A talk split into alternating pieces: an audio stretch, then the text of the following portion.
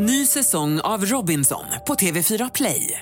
Hetta, storm, hunger. Det har hela tiden varit en kamp. Nu är det blod och tårar. Fan händer just nu. Det. är Detta är inte okej. Robinson 2024, nu fucking kör vi!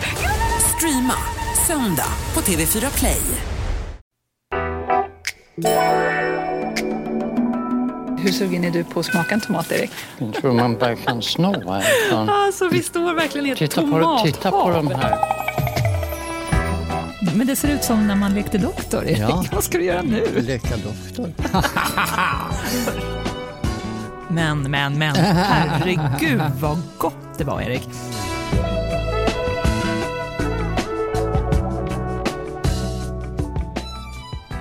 Jag vill att du observerar, jag sitter tillbaka lutad.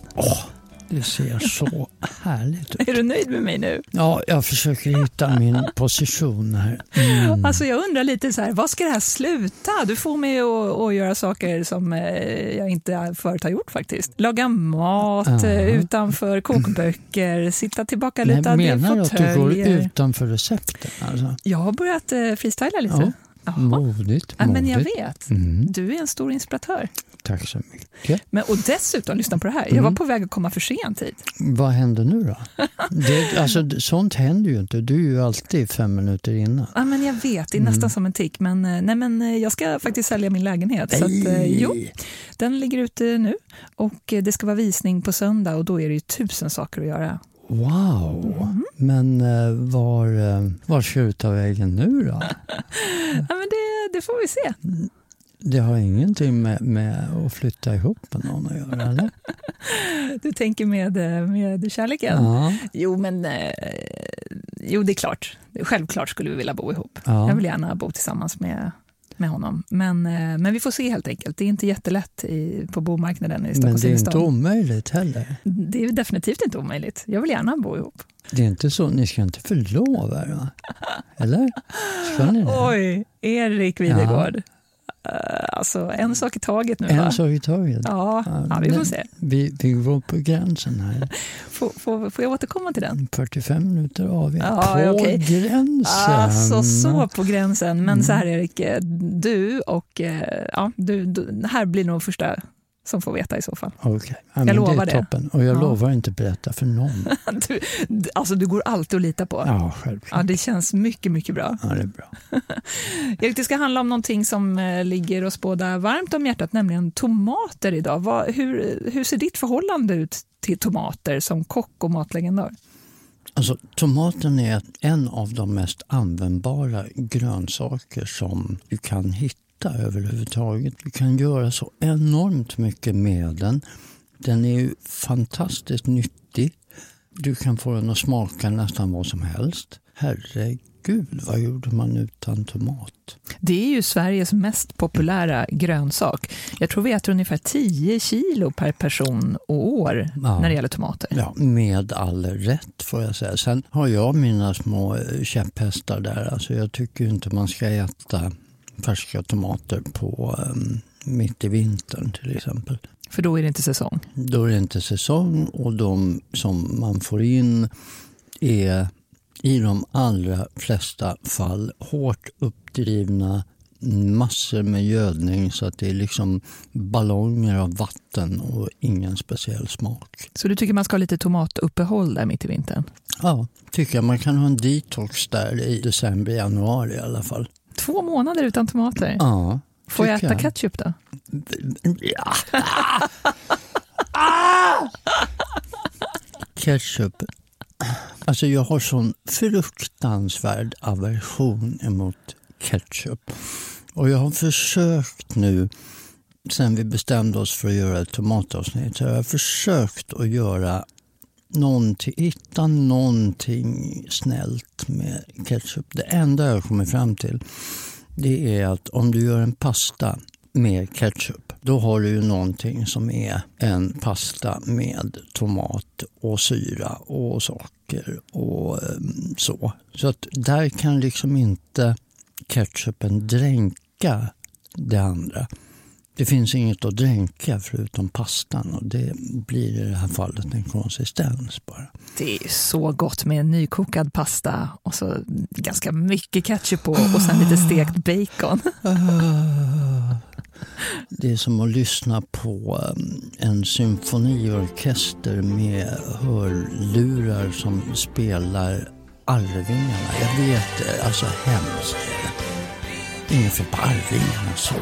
Eh, Det var bara ett exempel. Det var bara ett exempel. Det finns andra dansband. Gör det? Det finns ju en förvaringsregel när det gäller tomater som du vill slå ett slag för. Jag tror många inte riktigt vet det. Där kan jag säga att expertisen inte heller är helt enig om det här med ska det vara kylskåp, ska det inte vara kylskåp. Tomatodlarna hävdar ju, de seriösa, eh, varmt att du ska absolut inte ha tomaten i kylskåp för att du förstör sockret och smakämnena i tomaten.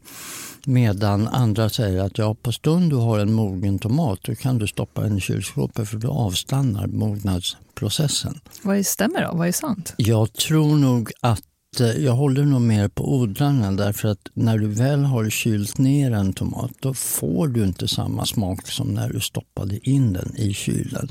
Sen håller den sig längre, ja det gör den. Och du kanske kan använda den till matlagning, alltså värma upp den och göra såser och, eller steka den eller vad man nu vill göra.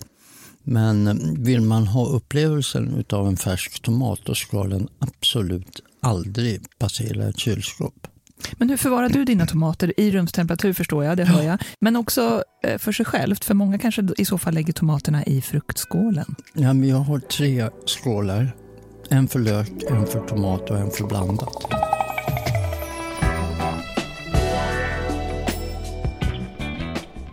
...45 minuter AV är sponsrat av Sundqvist AB. Sundqvist har massor av varumärken som verkligen hjälper till för oss som älskar att laga mat. Du har bland annat Scampan som gör stekpannor i världsklass. Knivar från Jaxell, Tamagahane, Global, en knivslip som heter Mino Sharp.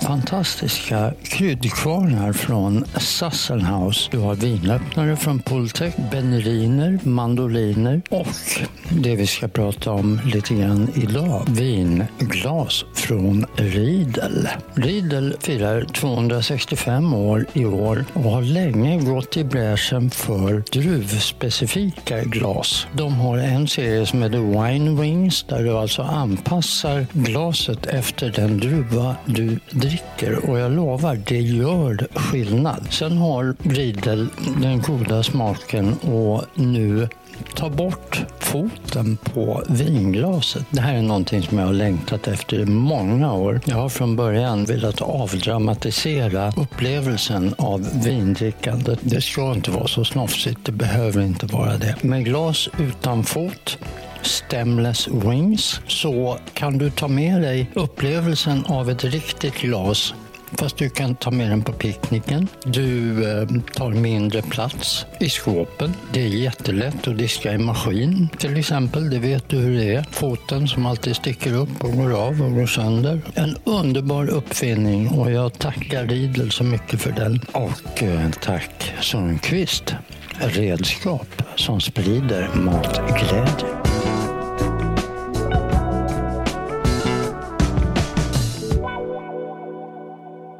Erik, tomaten kan ju smaka otroligt olika. Det är nog den grönsak som kan smaka mest varierat, skulle jag säga. Ja, uh, du har ju allt ifrån nästan choklad till jordgubb till vindruva. Du har alla dessa smaker i alla olika sorters tomater och det finns ju hundratals olika. Vilken tycker du är godast? Hmm. Det beror lite grann på eh, vad jag ska använda den till.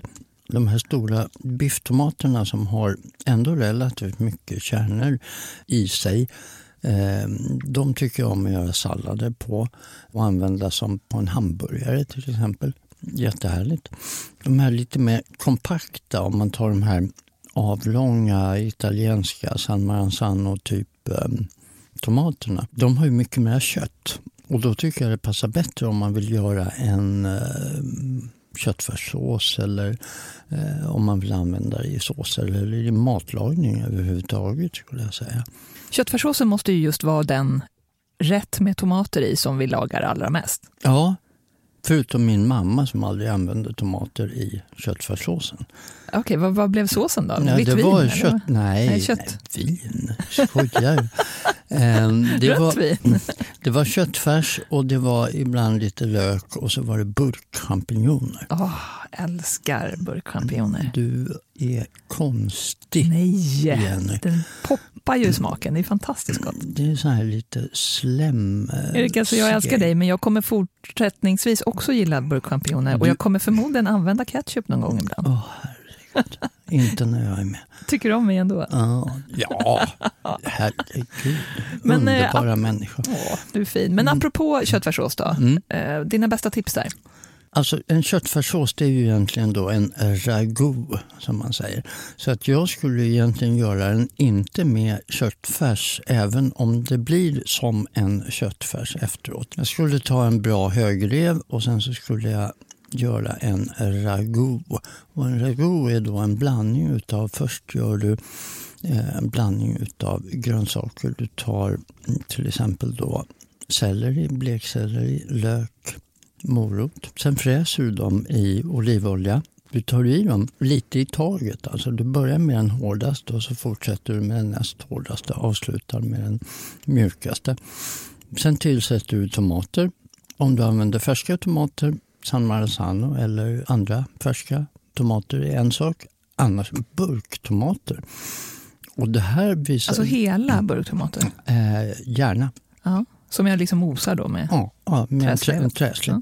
Det visar sig ju att burktomater och ketchup äh, innehåller mer näringsämnen än färska tomater. Sa du att ketchup innehöll mer näringsämnen än färska sam- tomater? men jag rätt? samtidigt, samtidigt så är det så att energiinnehållet, det vill säga sockret, är oändligt mycket större i ketchup jämfört med burktomater naturligtvis. Då.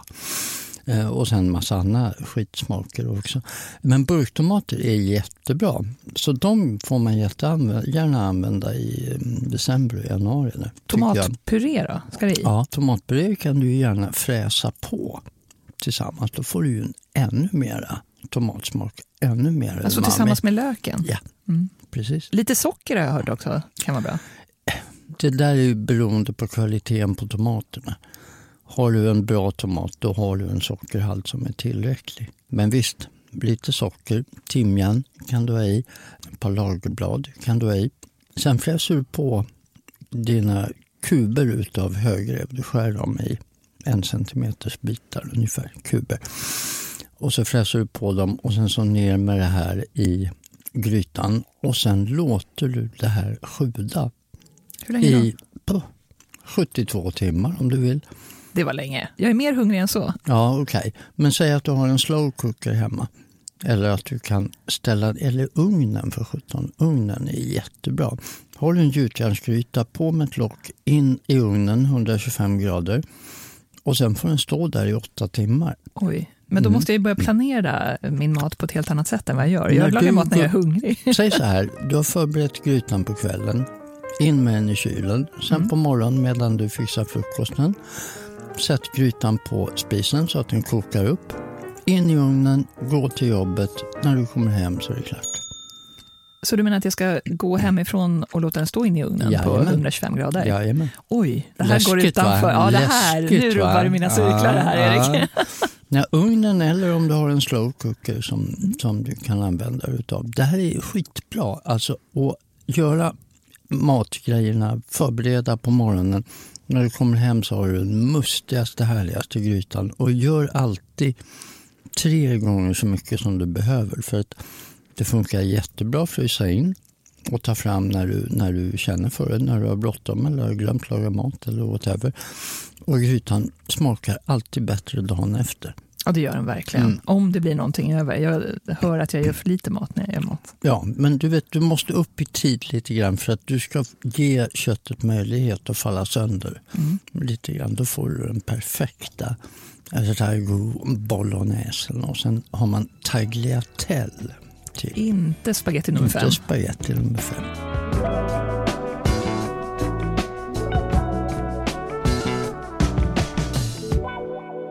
Mycket tomater har det varit egentligen i din karriär? Jag tänker på när du drev till exempel eh, Coq Blanc. Var det inte någon journalist förresten som skrev om just den restaurangen, att det var en, eh, allt annat än en restaurang? Ja, alltså det, det finns ju sådana här lokaltidningar även på Östermalm där Coq Blanc låg. Och eh, den här journalisten han skrev då när vi hade gjort nya inredningen på Coq Blanc. Eh, det här är, nu är vi tidigt 90-tal, då skrev han att ja, maten var ju bra men inredningen påminner om en gynekologmottagning i Milano.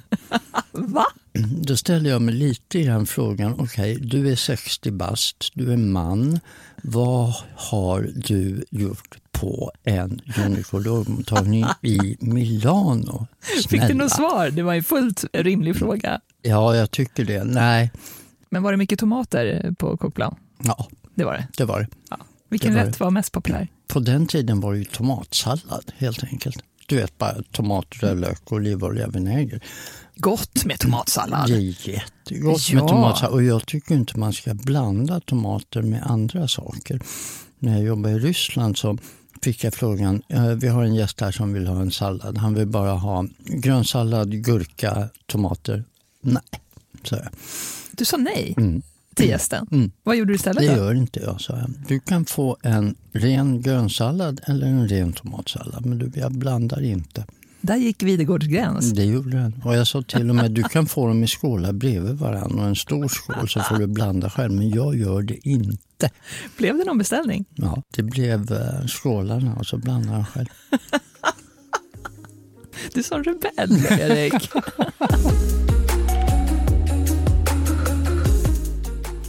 ”45 minuter AV är sponsrat av Kaffe Lavazza. Jag tänkte vi skulle prata lite grann om kaffe med mjölk idag. Cappuccino, det känner ju alla till.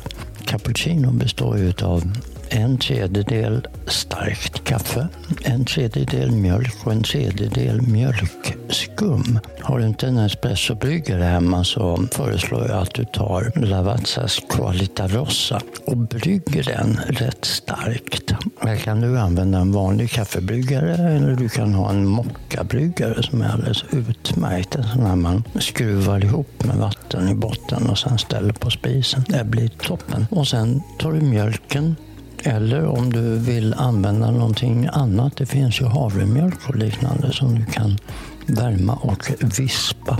Tänk på att inte vispa mjölken för varm. 60 grader är rätt lagom, sen börjar det bara smaka bränt. Andra varianter, kaffe latte naturligtvis, café au lait, franska varianten.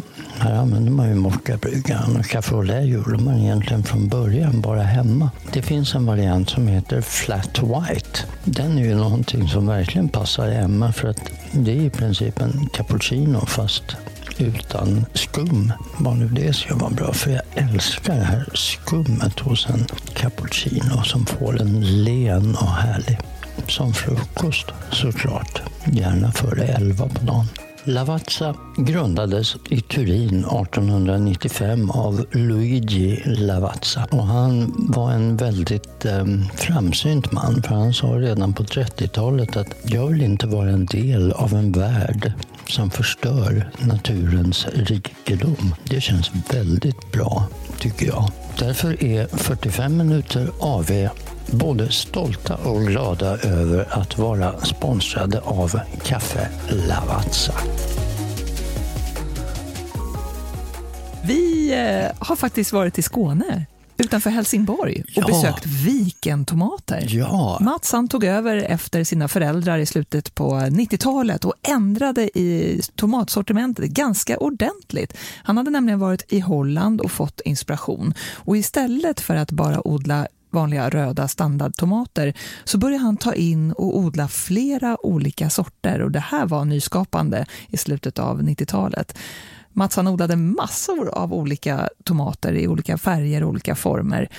Idag odlar han hela 100 olika sorter, 99 för att vara exakt. Han har lagt till tre sorter efter vi var där? Erik. Ja. Wow. Det var ju så imponerande att komma in i hans eh, tomatodling. Nu, de odlar ju friland också, men det mesta odlar de ju inne i sina växthus. Och se de här vinrankerna, så här, det ser, det ser 17 ut som vinranker.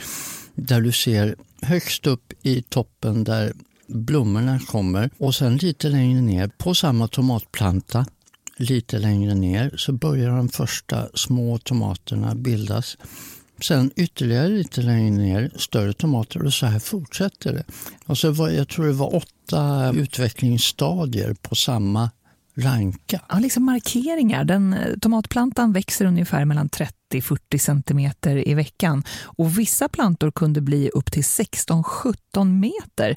Och under den här växtprocessen då så hänger de upp plantorna i krokar i taket. Men sen när de har nått sin nästan fulla längd så krokar man ner dem och så lägger man dem längs med golvet. Just det. Det såg otroligt coolt ut. Verkligen. Och vilket jobb att hålla på med det här. Och han har ju några anställda där som bara går och fixar det här. Det ska vara ett visst antal blad mellan varje klase av tomater. Ehm, det får inte vara för mycket men inte heller för lite. Temperaturen måste vara mm, perfekt. Det går larm hela tiden för att någon får för lite vatten, någon får för mycket vatten. Men då kan jag inte ha så mycket olika sorter. Det är en liten, liten tomat som är, den är inte alls stor. Sen har du en bifftomater och så går larmet igen. Ja, det gör ingenting. Mats stick iväg lite. Hur sugen är du på att smaka en tomat, Erik? Alltså jag är ju jättesugen. Tror man bara kan snå härifrån. Alltså, vi står verkligen i ett Titta på, tomathav. titta på de här ovala, mörkröda, Wow. perfekt mogna, aldrig passerat ett kylskåp. Det här är lyx. Men det här är ju bättre än godis. Det här, det här är, godis är inte frukt, om man säger så. Man vänder på det. Och sen vill inte svenskarna köpa. Är inte det konstigt? Hur menar du? De är för dyra, säger de. Ja, men det är, det är ju, när man köper den här typen av tomater, lyxtomater, Ja. då kan vi vara uppåt 200 kronor kilot. Ja, om vi jämför det, köper du en bit oxfilé eller en färdiglagad köttbulle? Där har du kvalitetsskillnad på. Vem, vem lagar, tillagar den? Vem, Om du gör det vill jag det. Ja, nej, jag förstår poängen. Och sen är ju tomaten är ju eh, jättespännande. Den är nyttig och sen att den kan smaka så otroligt olika. Jag kan inte hålla, apropå vi måste, vi tjuvar den. Vi snor. får det. Ja, vi, Vi måste, vi måste smaka den här. Den ser så god ut. jag tar en sån här. Ja, vad roligt hur vi väljer nu. Du tar en, en eh, intensivt röd Mm. och jag tar en likadan fast helt grön. Mm. Mm-hmm. Oj, oj. Ja, det här var ju fantastiskt gott. Mm. Titta! Totalt förbjudet. Smaka. Nästan plommonfärgad. Plommonfärg. precis. Du rev Ja. av den, det är alltså totalt Ja. förbjudet. Det är ju egentligen förbjudet. Hur mycket tomater äter du själv? Mycket. Du inte det? Herregud, man är ju 62 år och ser ut så här. Ja, ja, Som 82, ja tack. Nej, men vi äter väldigt mycket tomater. Vi äter eh, liksom eh, var kväll så är det tomater och det är buffelmozzarella, basilika och olivolja. Vi lever ju på tomaterna. Vi har det så åtta månader. Alltså det är bra så. Bland alla de här eh, sorterna, nästan hundra sorter, har du någon favorit? Vilken är det? Nej, men jag har många favoriter. Vi, vi kan gå lite längre upp här ska ni få se. Vi har ju dunekvisten som är en fantastiskt trevlig kvisttomat. eh. Ja, jag älskar den här. Den här är ju, sån, det är ju en Samazano typ. Italienska Samazano. Den mindre varianten. Mats, nu förstår jag att du Nu aldrig... tog du gröna. Ja, men jag älskar gröna tomater. Jag älskar gröna tomater. Men nu förstår jag också att du inte tröttnar. Att ni inte tröttnar. Det är klart jag inte gör. Jag menar, när man går ut här så har man ju paletten framför sig. Man har olika smaker. Ja, men idag vill jag inte... Nej, men då finns ju den andra syran istället. Ja. Och sen har vi eh, lilla Juanita. Juanita den är ju en eh, explosiv, eh, härlig tomat också. Och där kommer ni att få en, en, en totalt annan smak här. Oj, vad sött. Sött. Det är som att det är en helt annan grönsak. Folk säger till mig att tomat som tomat smakar ju likadant. Nej. Wow! Det smakar ju helt annorlunda än den tidigare. Den som var lite mer kryddig. Den här är ju riktigt söt och Riktigt god. sött och härlig. Så att det, det, det här jag lever i. Ja, det här var två... Kan man ha det bättre? Nej. Men du Mats, dina bästa eh, tomattips då till, till lyssnarna? Eh, de bästa tomattipsen? Nej, men det, vi slicear ju bara tomaterna, buffelmozzarella, olivolja. Desto simplare, enklare det är, desto godare är det tycker jag. Men eh, som sagt, jag har inte så mycket tid i mitt liv så att det, det måste gå undan. Och aldrig, aldrig i kylskåp. Aldrig i kylskåpet. Puh. Det här är perfekta temperatur. 17 Ja, men det är så att det, så fort de hamnar i kylskåpet eller under viss temperatur så börjar sockret att eh, ja, försvinna ur tomaten. Och det är ju eh, processen i en eh, kall miljö. Och den får man ju aldrig tillbaka. Nej. Tack snälla Mats, Tack själv. fantastiskt. Tack själv. Viken Tomater, otroligt kul att få vara där, men de är bara en av många tomatproducenter i Sverige. Och det var ju Ja. som att vara i en godisbutik, Erik, när vi var där. Ja, Det var så häftigt. Ett slag för tomaten och att köpa svenska odlade tomater. Det tycker jag blir vår mission det här avsnittet. Men vi ska ju fortsätta vår resa i norra Italien också. Vi har ju varit i Piemonte och där hamnade vi på matmarknaden som de håller varje lördag. Ja, den var ju underbar. Jag, bara gick, jag gick ett varv där först och så började jag titta och så, ja det finns, ja det finns och det ser bra ut och där har vi det och där borta har de det också. Ah, Jag var helt tagen när vi em, väl började handla. Ja, du blev nästan helt tyst. Ja, det är ovanligt. Ja, nu är vi på matmarknaden i Alba. Här är det fina grejer, Erik. Det här är ju fantastiskt. Det här är ju, nu står det Botaline, tomaterna här.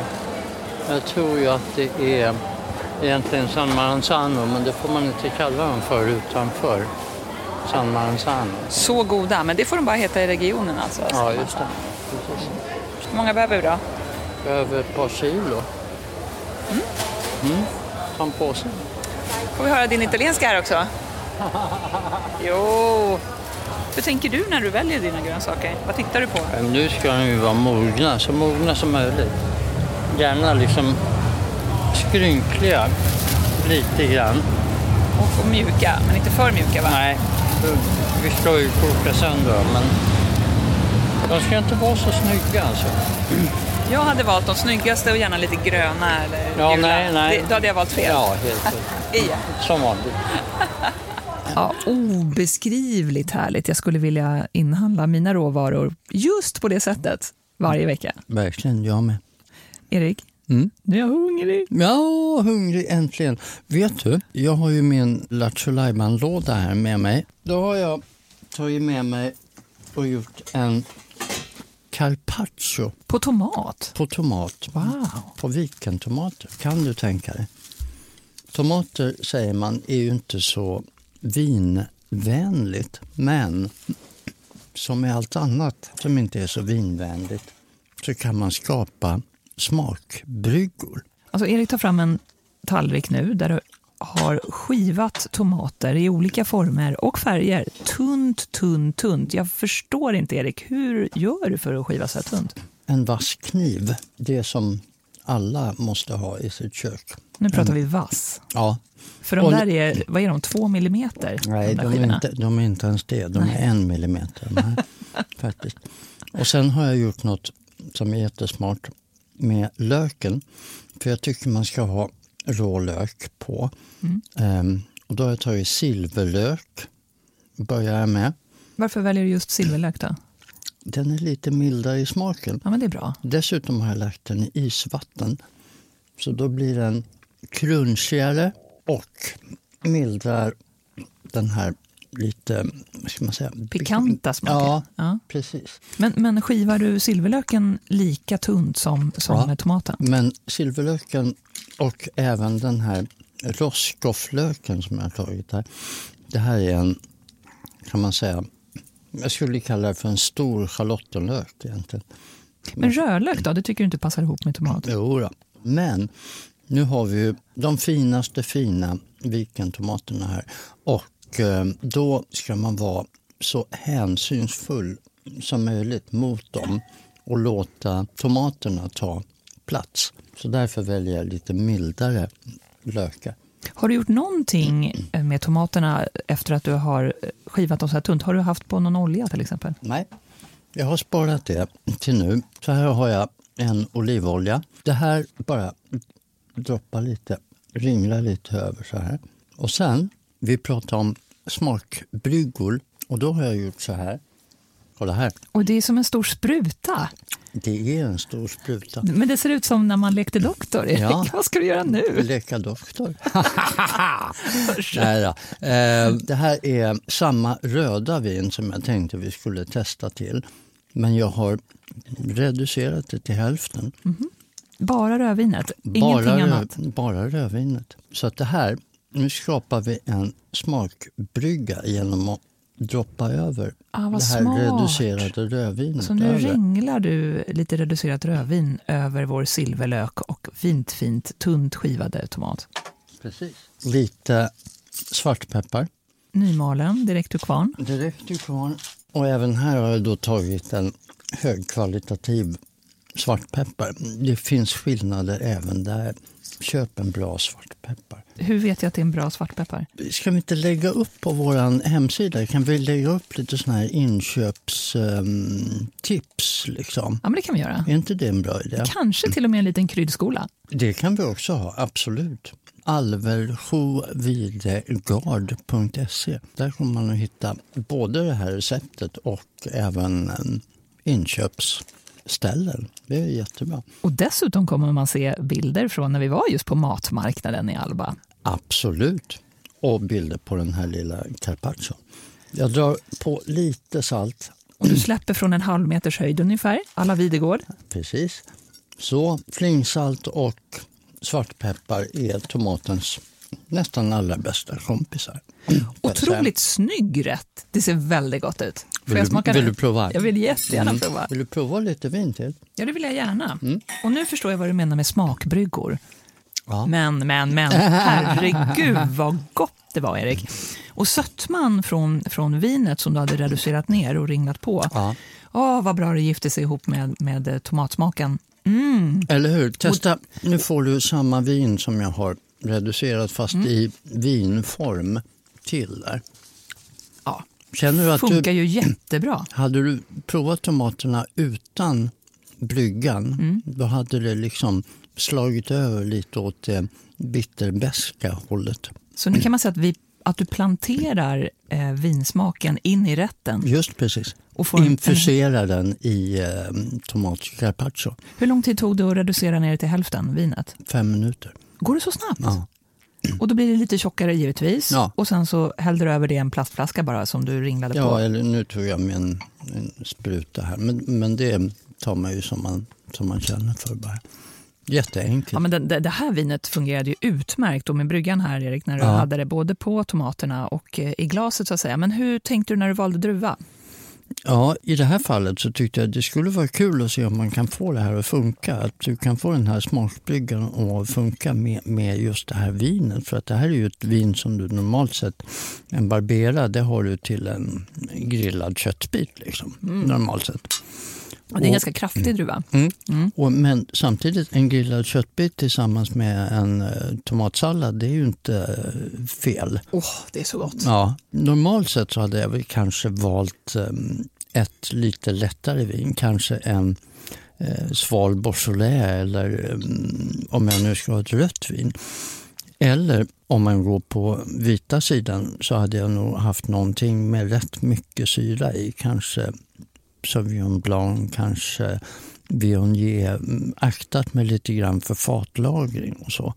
Så ett friskare mm, vin. Men då hade jag samtidigt gjort samma sak med det vita vinet. Jag hade reducerat det till hälften och sen använt det i dressingen ovanpå. Så smart. Så du kan, man kan reducera alla typer av druvor i princip. Jajamän. Även alkoholfritt vin. Ja, absolut. Reducera på. Det är bara att köra. Försäljningen av alkoholfria drycker har ju ökat något enormt. Ja. Det är många som tycker liksom om att, att eh, ändå känna sig med så att säga. Men vet du vad jag tror att det beror på? Nej. Det finns drickbara alkoholfria alternativ numera. Det är definitivt så. Ja. För 20 år sedan när jag väntade min dotter, då fanns det kanske en alkoholfri öl och nästan ingenting. Det alkoholfria rödvinet och det vita vinet var kanske en eller två sorter och det Det var- smakade är råttgift alltså. Nu ska vi testa en ny variant här. Ja, det här är en eh, Blanc de Blanc, alltså 100 chardonnay. Precis så. Det får egentligen inte låta när man öppnar bubbel. Det får du bara göra på nyårsafton. Det ska bara poffa. Du ska bara säga fush. Får vi höra nu? Ja, fush. Den du. Ja, Men är det den eh, 300 miljonte gången man öppnar, Erik? Så... det är det. det, är det. Ja. Se. Blanc de Blanc gillar jag generellt. Tycker det är gott med, med 100 chardonnay.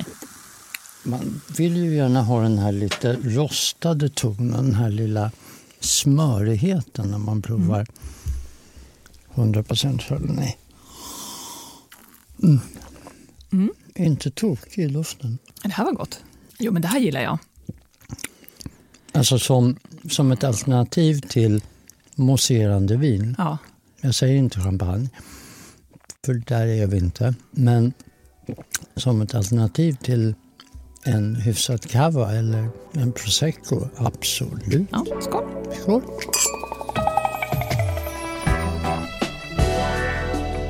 ...45 minuter AV är väldigt tacksamma att vara sponsrade av The Wine Agency. Vi tar en liten tur till eh, Italien igen. Och den här gången ska vi prova två viner gjorda på druvan Barbera. Barbera får ibland stå lite mm, i skuggan ska jag säga utav mm, Barolo-vinerna. Men här tycker jag vi har en alldeles utmärkt druva och ett vin av denna utmärkta druva som passar till lamm, passar till nötkött, passar till charkuterier. Den är kraftfullare i smaken. Du har en kryddig, fruktig doft, mörka körsbär, choklad, plommon, örter. Jag gillar det här som tusan. Det första vinet vi provar är en Borgogno Barbera d'Alba Superiore. Det som är fint med den här det är att den är odlad på gårdarna Liste och Canobi. Både Liste och Canobi producerar normalt sett Barolo, då druvan Nebbiolo. Men här planterar man även då Barbera.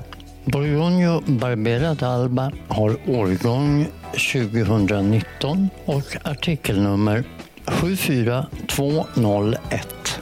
Och den här finns i Systembolagets fasta sortiment. Inte illa. Det andra vinet vi provar är en Cascina Valle Asinari Nizza. Årgången är 2017. Det här är en privatimport så att den här får man importera via Systembolaget själv. Artikelnumret är BG 4401. Snart är det ju dags för de här underbara höstlammen och då har jag svårt att tänka mig någonting som passar lika bra som en Barbera. Vi tackar The Wine Agency och säger skål.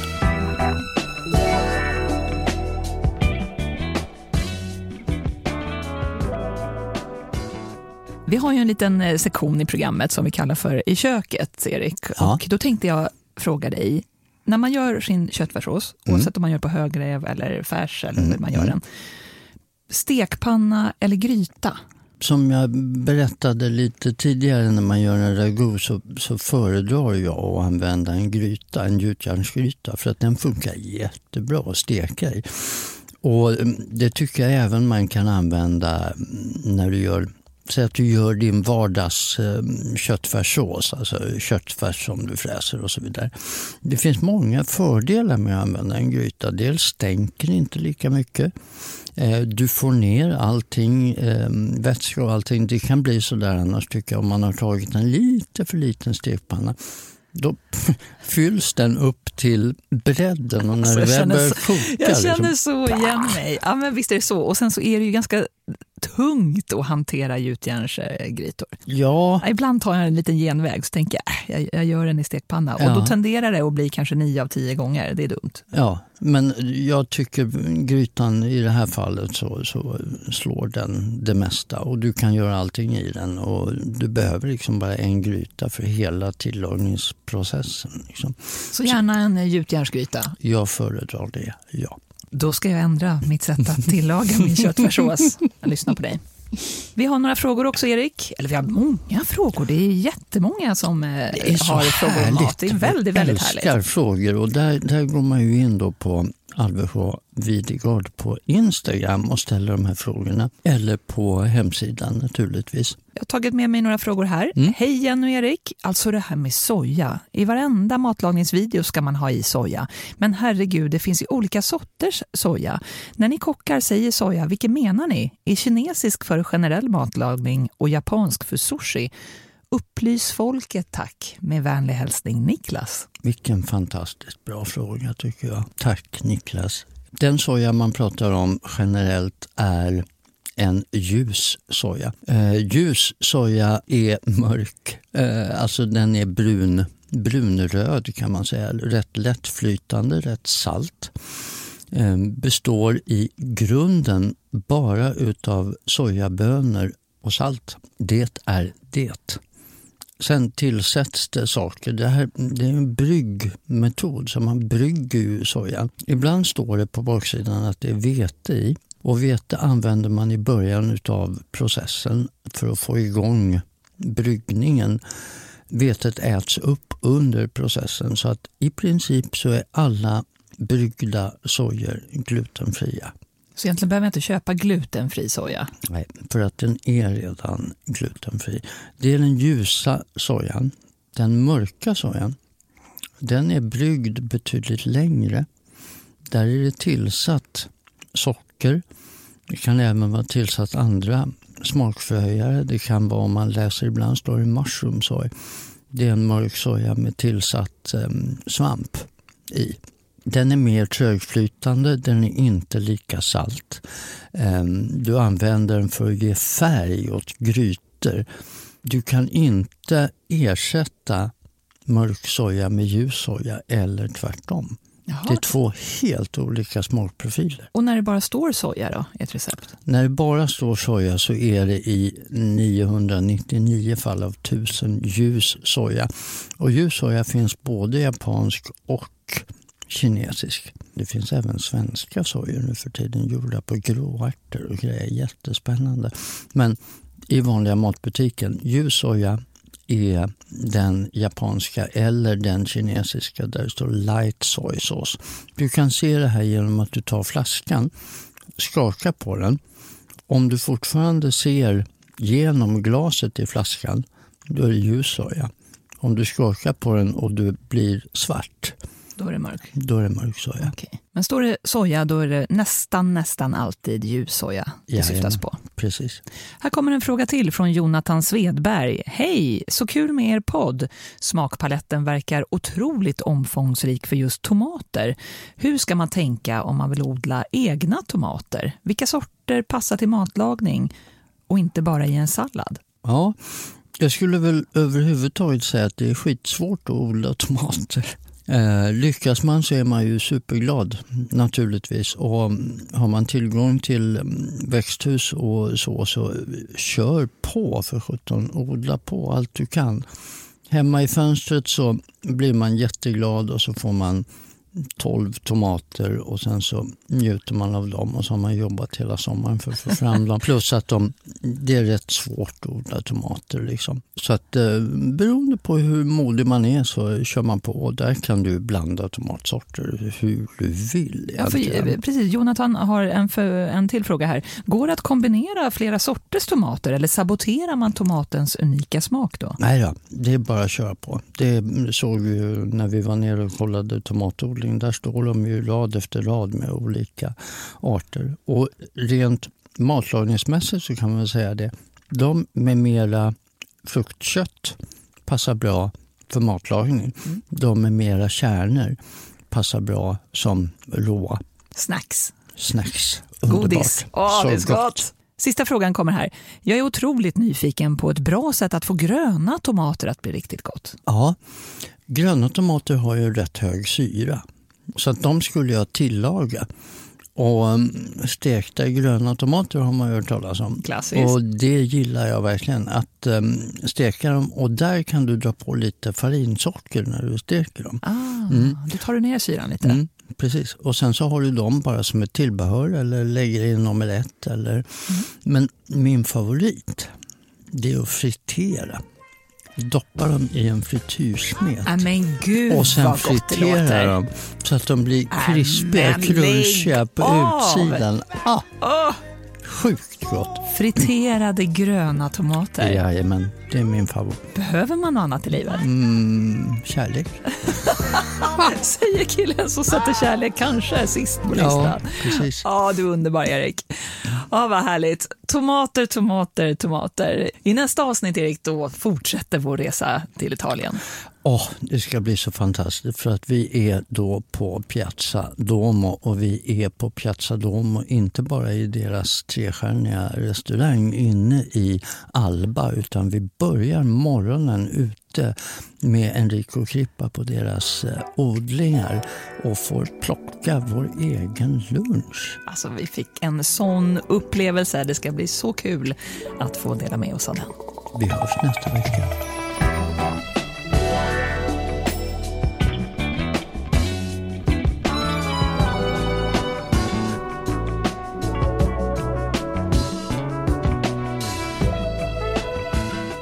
Ja, det var så gott. Får jag äta upp nu? Nu får du äta upp. Ja, Oj, vad gjorde du av tallriken? Den står här. Kom, kom, kom. Oj, oj, oj. Tack. Varsågod. Jag blev så nervös när du snodde den. Ja, ja, ja. Jag tror du ska äta upp maten Jag älskar mat. Ja, det är bra. Ny säsong av Robinson på TV4 Play. Hetta, storm, hunger. Det har hela tiden varit en kamp. Nu är det blod och tårar. Fan händer just. Det. är Detta är inte okej. Robinson 2024, nu fucking kör vi! Streama söndag på TV4 Play.